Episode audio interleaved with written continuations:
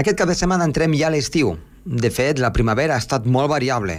Maig força sec, un juny de moment força humit i un abril doncs, també amb molta variabilitat. Veurem què ens depara aquest estiu.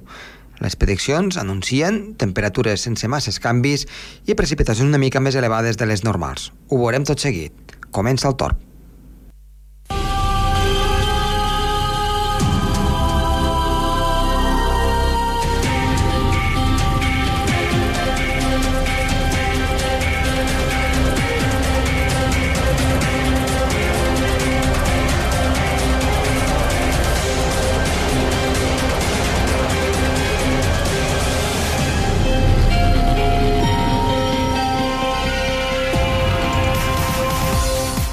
Hola, com va? Molt bona tarda. Una vegada més aquí en el programa Tor. Ja, doncs, pràcticament a les acaballes d'aquesta temporada. Avui tenim un monogràfic amb en Roger Soler que es parlarà d'aquestes tempestes tan fortes que hem tingut al llarg d'aquestes darreres hores i quina és la seva gènesis. I després parlarem una miqueta de la contaminació i del medi ambient i de les darreres notícies. Per tant, un programa que està força amanit. Som-hi!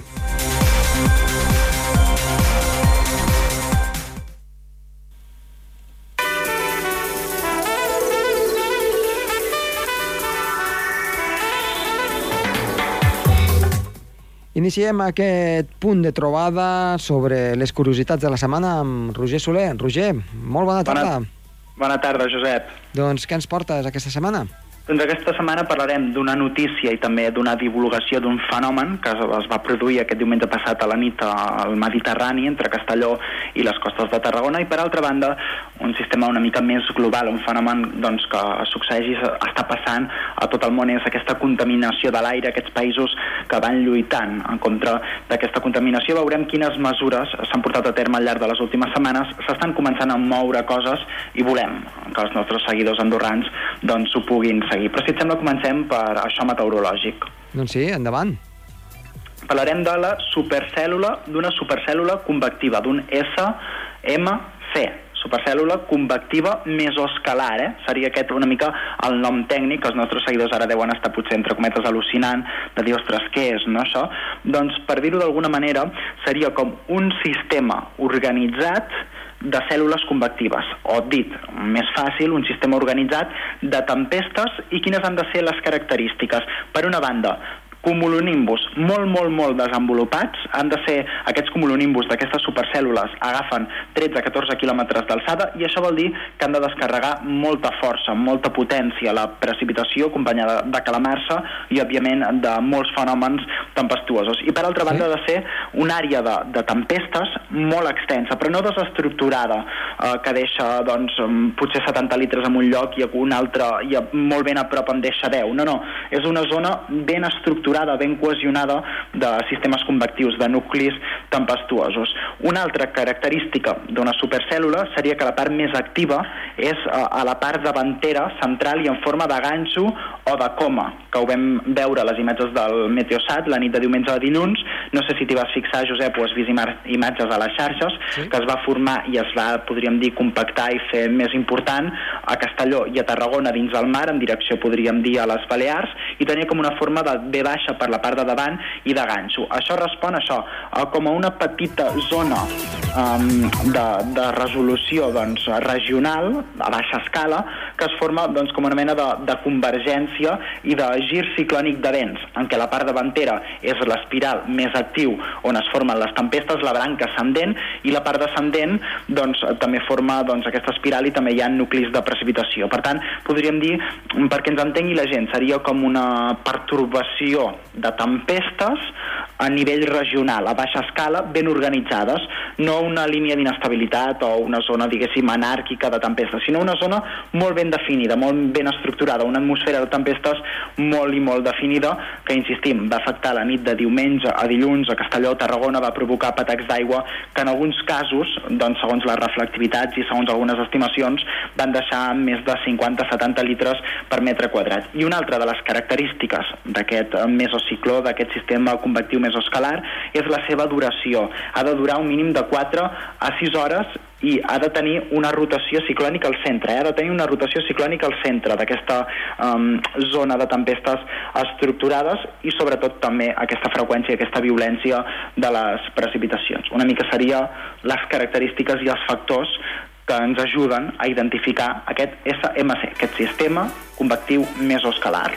Doncs eh, crec que queda prou clar i Roger, no te'n vagis perquè d'aquí una mica eh, doncs d'aquí uns breus segons tornem a parlar amb tu de coses que també són prou interessants per als nostres oients. Fins ara. Perfecte, fins ara.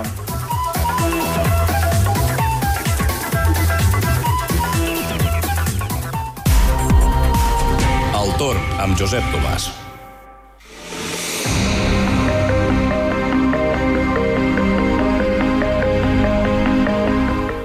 I en entrevista, doncs, en Roger ens ha deixat coses al tinter que crec que són molt interessants per avui i que volem que s'estengui una miqueta més. Roger, Bona tarda. Bona tarda de nou, Josep. Doncs sí, hem d'explicar o parlar um, del que està passant a nivell de la contaminació atmosfèrica, de la, dels contaminants a les grans ciutats europees. Hem d'explicar, Josep, que el dia 5 de juny, el passat dia 5 de juny, va ser el Dia Mundial de Medi Ambient en què es van començar a moure moltíssimes coses.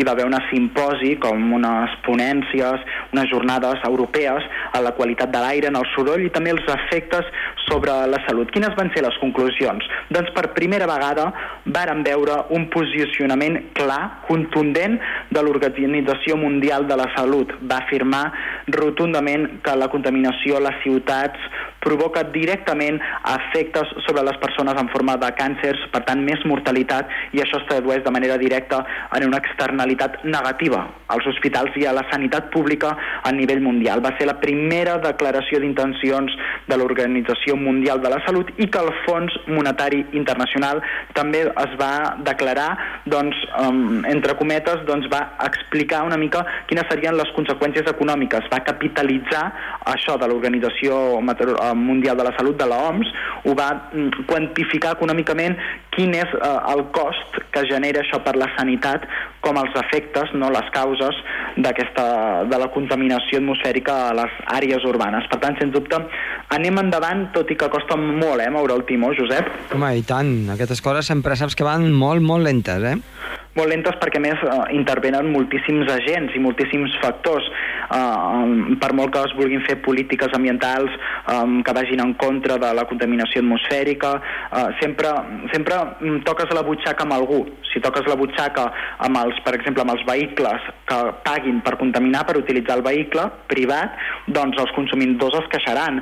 Si toques la butxaca a les grans multinacionals que han de pagar un impost, o les companyies aèries que han de pagar un impost per contaminar, que recordem que va sortir la notícia que fa uns mesos la Generalitat de Catalunya ha aprovat l'impost d'aviació en què les companyies aèries paguen per contaminar, i això sens dubte són diners, són impostos que després utilitzen per recaudar i per descontaminar altres zones. Per tant, una mica per equiparar la balança, és a dir, qui paga més, és a dir, qui contamina més, ha de pagar més i aquests diners han de servir per descontaminar altres zones. Per tant, ha de quedar una mica en la balança en equilibri, com l'atmosfera, eh, Josep? Doncs sí, doncs sí, però vaja, mm, malgrat tot, és una mica ver vergonyant, eh, això.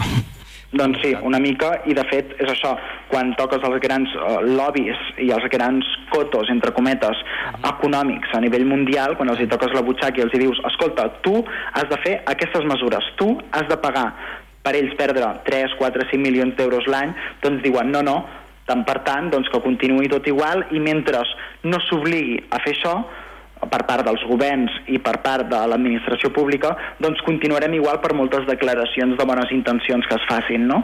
Mira, jo, jo a vegades penso, eh, quan arribes a certa edat, mm, dius, aquesta gent ha anat al col·legi amb mi. Vull dir, a, sí. a, en quin col·legi s'han educat? Vull dir, quins valors els han inculcat aquesta gent? No, ah, és dir, que al fons no, no, no mm, te n'adones no, que el món es mou per un criteri econòmic i sempre anem a parar al criteri econòmic que capitalitza i que, diguéssim, mm, condiciona tots els factors i, i és molt fort per sobre dels factors humans, per sobre dels factors socials. Però és així, eh? És així perquè les informacions que arriben paradoxals i aparentment contrastades doncs responen eh, a aquesta dicotomia del sistema que va encarrilat amb un criteri econòmic i després anar una mica contracorrent i afectar tants agents doncs és una mica, una mica complicat perquè hi ha moltes moltes paradoxes. Um, diuen, tots els governs diuen baixar els preus del transport públic. Clar, això a les cartes electorals, a les campanyes electorals queda molt maco, però a l'hora de la veritat, el cas de Barcelona és que des de principis del segle XXI no ha deixat de pujar. El 2001, 96 cèntims valia la T10 eh, el bitllet senzill, el 2012, 2 euros. Lluny de baixar, han anat pujant els preus del transport públic al llarg dels últims anys, fet que una mica va en contra d'aquesta declaració de bones intencions de reduir la contaminació, no? Sí, bé, el que volen és guanyar més diners, mmm, fa, que, sí, que és cert, sí que és cert que els, les arques públiques estan molt malament i que s'ha de compensar, s'ha de treure diners d'alguna manera, però jo penso, i de fet la, la directora general de Qualitat Ambiental de la Generalitat, l'Assumpta Ferran, doncs està d'acord en què quina seria la solució per baixar el preu del transport públic? Doncs que el vehicle privat a les ciutats pagués. Pagués per circular i pagués per contaminar eh, a través dels seus tubs d'escapament. Ara, si es lancés aquesta mesura, n'estic seguríssim que tota la societat o la majoria de societats se'ls es tiraria al coll, eh? Bueno, escoltem, a, a Londres ja succeeix això, eh? Correcte, a Londres i altres no ciutats com Florència, París, s'estan aplicant, doncs això, mesures per pal·liar o mesures que s'anomenen de baixa contaminació a les àrees urbanes, com a mínim els nuclis centrals, mm. i això és una mica la idea que volta per cap a, a Barcelona. També hem de parlar de l'ozó troposfèric. L'ozó troposfèric és un dels contaminants que més preocupa, eh, en, en concret aquí a Catalunya, però també en altres indrets de, del món. No? És, de, és a dir, sempre parlem del diòxid de carboni, però no té una conseqüència tan directa o tan negativa, tan perjudicial sobre la salut com l'ozó troposfèric, encara que sembla el contrari. L'ozó troposfèric no el veiem, és un gas gas incolor. Seria la reacció fotoquímica entre la radiació solar i altres elements contaminants que existeixen a les grans ciutats, fruit dels tubs d'escapament, fruit de la contaminació antròpica. Doncs bé, l'ozó troposfèric doncs, l'estan controlant aquí a Barcelona i en general a Catalunya. El 2014 va ser un dels anys, un dels estius amb menys ozó troposfèric. Per què? Doncs a causa de les pluges, a causa de la fresca, a causa dels núvols i a causa de la ventilació. No hi va haver estancament. Per tant, un any bo de l'ús troposfèric, però no podem baixar la guàrdia. Encara s'ha de treballar molt per anar cap a pal·liar o cap a reduir aquest ús troposfèric, que tot passa pel mateix, insisteixo, Josep, emissions de baixa contaminació a les grans àrees urbanes, als nuclis urbans, perquè està clar que si anem emetent gasos i si anem fent circular els cotxes a les àrees urbanes no deixes de contaminar més. Sí que la pluja o el vent ho pot fer esvair, però vaja, vas contaminant, vas contaminant i si no descontamines s'acumula. Sí, això, això és ben cert, però si més no, és una manera de començar. Doncs sí, doncs sí, anirem seguint l'evolució, Josep, al llarg de les pròximes setmanes, a veure si van sortint algunes notícies al respecte. Com a mínim, la notícia esperançadora, insisteixo, és aquesta declaració de bones intencions de l'Organització l'Organització Mundial de la Salut, com mai havíem vist anteriorment que es posicionés d'una manera tan clara i contundent, i això doncs, pot fer que les grans directius empresarials, sobretot de l'administració pública, puguin tirar endavant, com a mínim tinguin més força. Sí, si més no, eh, és que quan surt una, una declaració d'intencions eh, d'aquesta manera s'hi posen tan forts que una cosa hi ha darrere, per tant, eh, la situació doncs, és, és, és prou preocupant en aquest aspecte. Doncs sí. Roger, moltíssimes sí. gràcies. Perfecte, que vagi molt bé. Adeu. Adeu.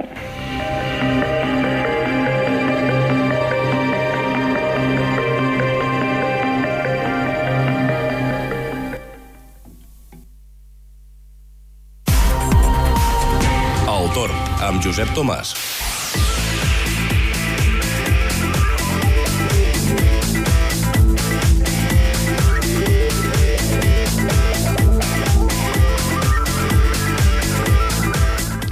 I anem eh, per la previsió meteorològica, però abans eh, volem fer un petit apunt, un petit apunt, en aquest cas, doncs, de caràcter climàtic, i és que, de fet, doncs, al llarg d'aquests últims dies eh, està sortint la notícia del fenomen del Niño.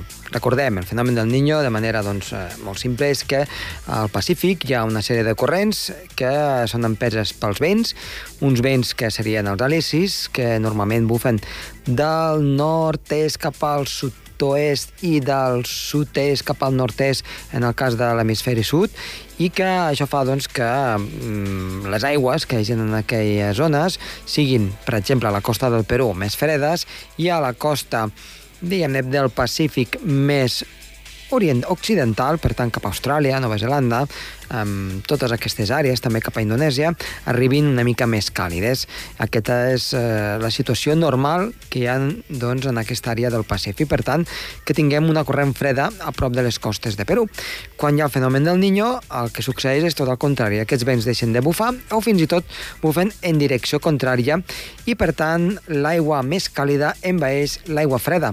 Com a conseqüència, doncs, els nutrients d'aquestes zones de les costes de Sud-amèrica deixen d'estar-hi, si menys no, doncs eh, n'hi ha en molta menor quantitat, i això fa doncs, que disminueixi també la pesca i que a part, degut a l'arribada d'aquestes aigües més càlides, es formin tempestes, inundacions en tota aquesta àrea, que normalment és força àrida i no està acostumbrada a que hi hagi doncs, aquesta projecció d'aigües càlides juntament amb els Andes, que són les muntanyes molt altes doncs, que hi ha a molt pocs quilòmetres al costat de eh, tota la costa doncs, d'aquest punt de Sud-amèrica, fa que les tempestes tempestes siguin doncs, eh, generals, generoses i en quantitats molt importants d'aigua i això doncs, provoca inundacions. Això succeeix doncs, en un període cíclic d'aproximadament doncs, uns quants anys i sembla que eh, s'estan veient indicis en què aquesta corrent, aquesta corrent del Niño doncs, eh, es comença a agafar cada cop més força. I, per tant, a l'agafar més força estan començant a augmentar les temperatures de l'aigua del mar i com a conseqüència doncs, tot aquest cicle que ara els hi hem explicat. I això té repercussió a nivell mundial. Eh, resulta que quan el Niño afecta en totes aquestes zones, doncs eh, poden arribar fredorades en zones que no tocaria o temperatures més elevades en llocs on veritablement el fred és el protagonista. O també, eh, doncs, eh, igual que passa doncs, a la costa del Perú, que hi hagin eh, doncs, zones que hi hagi molta precipitació i d'altres on no n'hi ha doncs, pràcticament gens i per tant s'incrementen en algunes zones, sobretot de l'interior d'Àfrica, la sequera que fa anys que arrosseguen. Per tant, sembla que aquesta situació s'està incrementant. I es, deu es diu justament el Niño doncs, perquè sol aparèixer en la seva màxima intensitat just, just per vols de Nadal, d'aquí doncs li ve el nom. Ho anirem seguint perquè sembla doncs, que tots els científics de diferents entitats estan apuntant que veuen Mm, poc o molt un canvi respecte als darrers anys. I sembla que podria ser un niño fort i això podria tenir conseqüències en el clima global.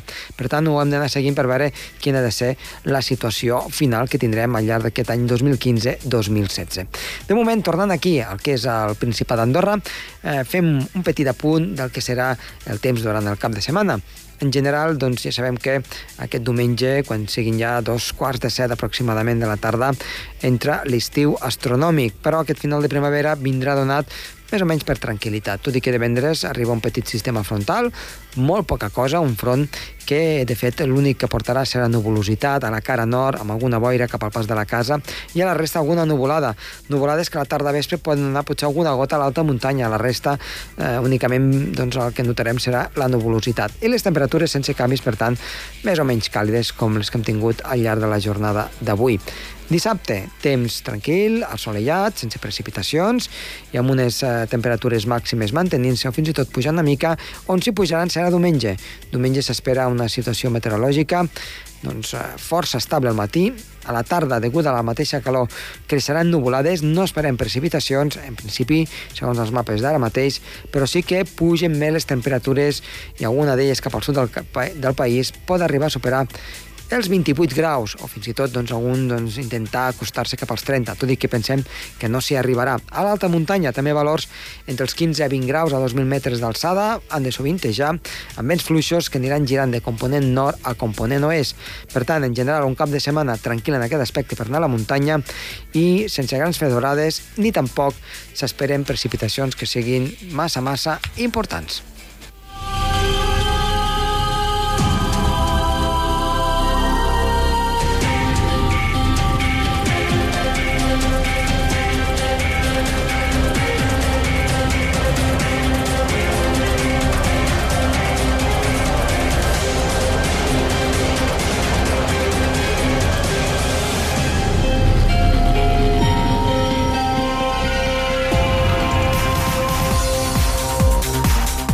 Doncs ja queda ben poc per acabar la temporada.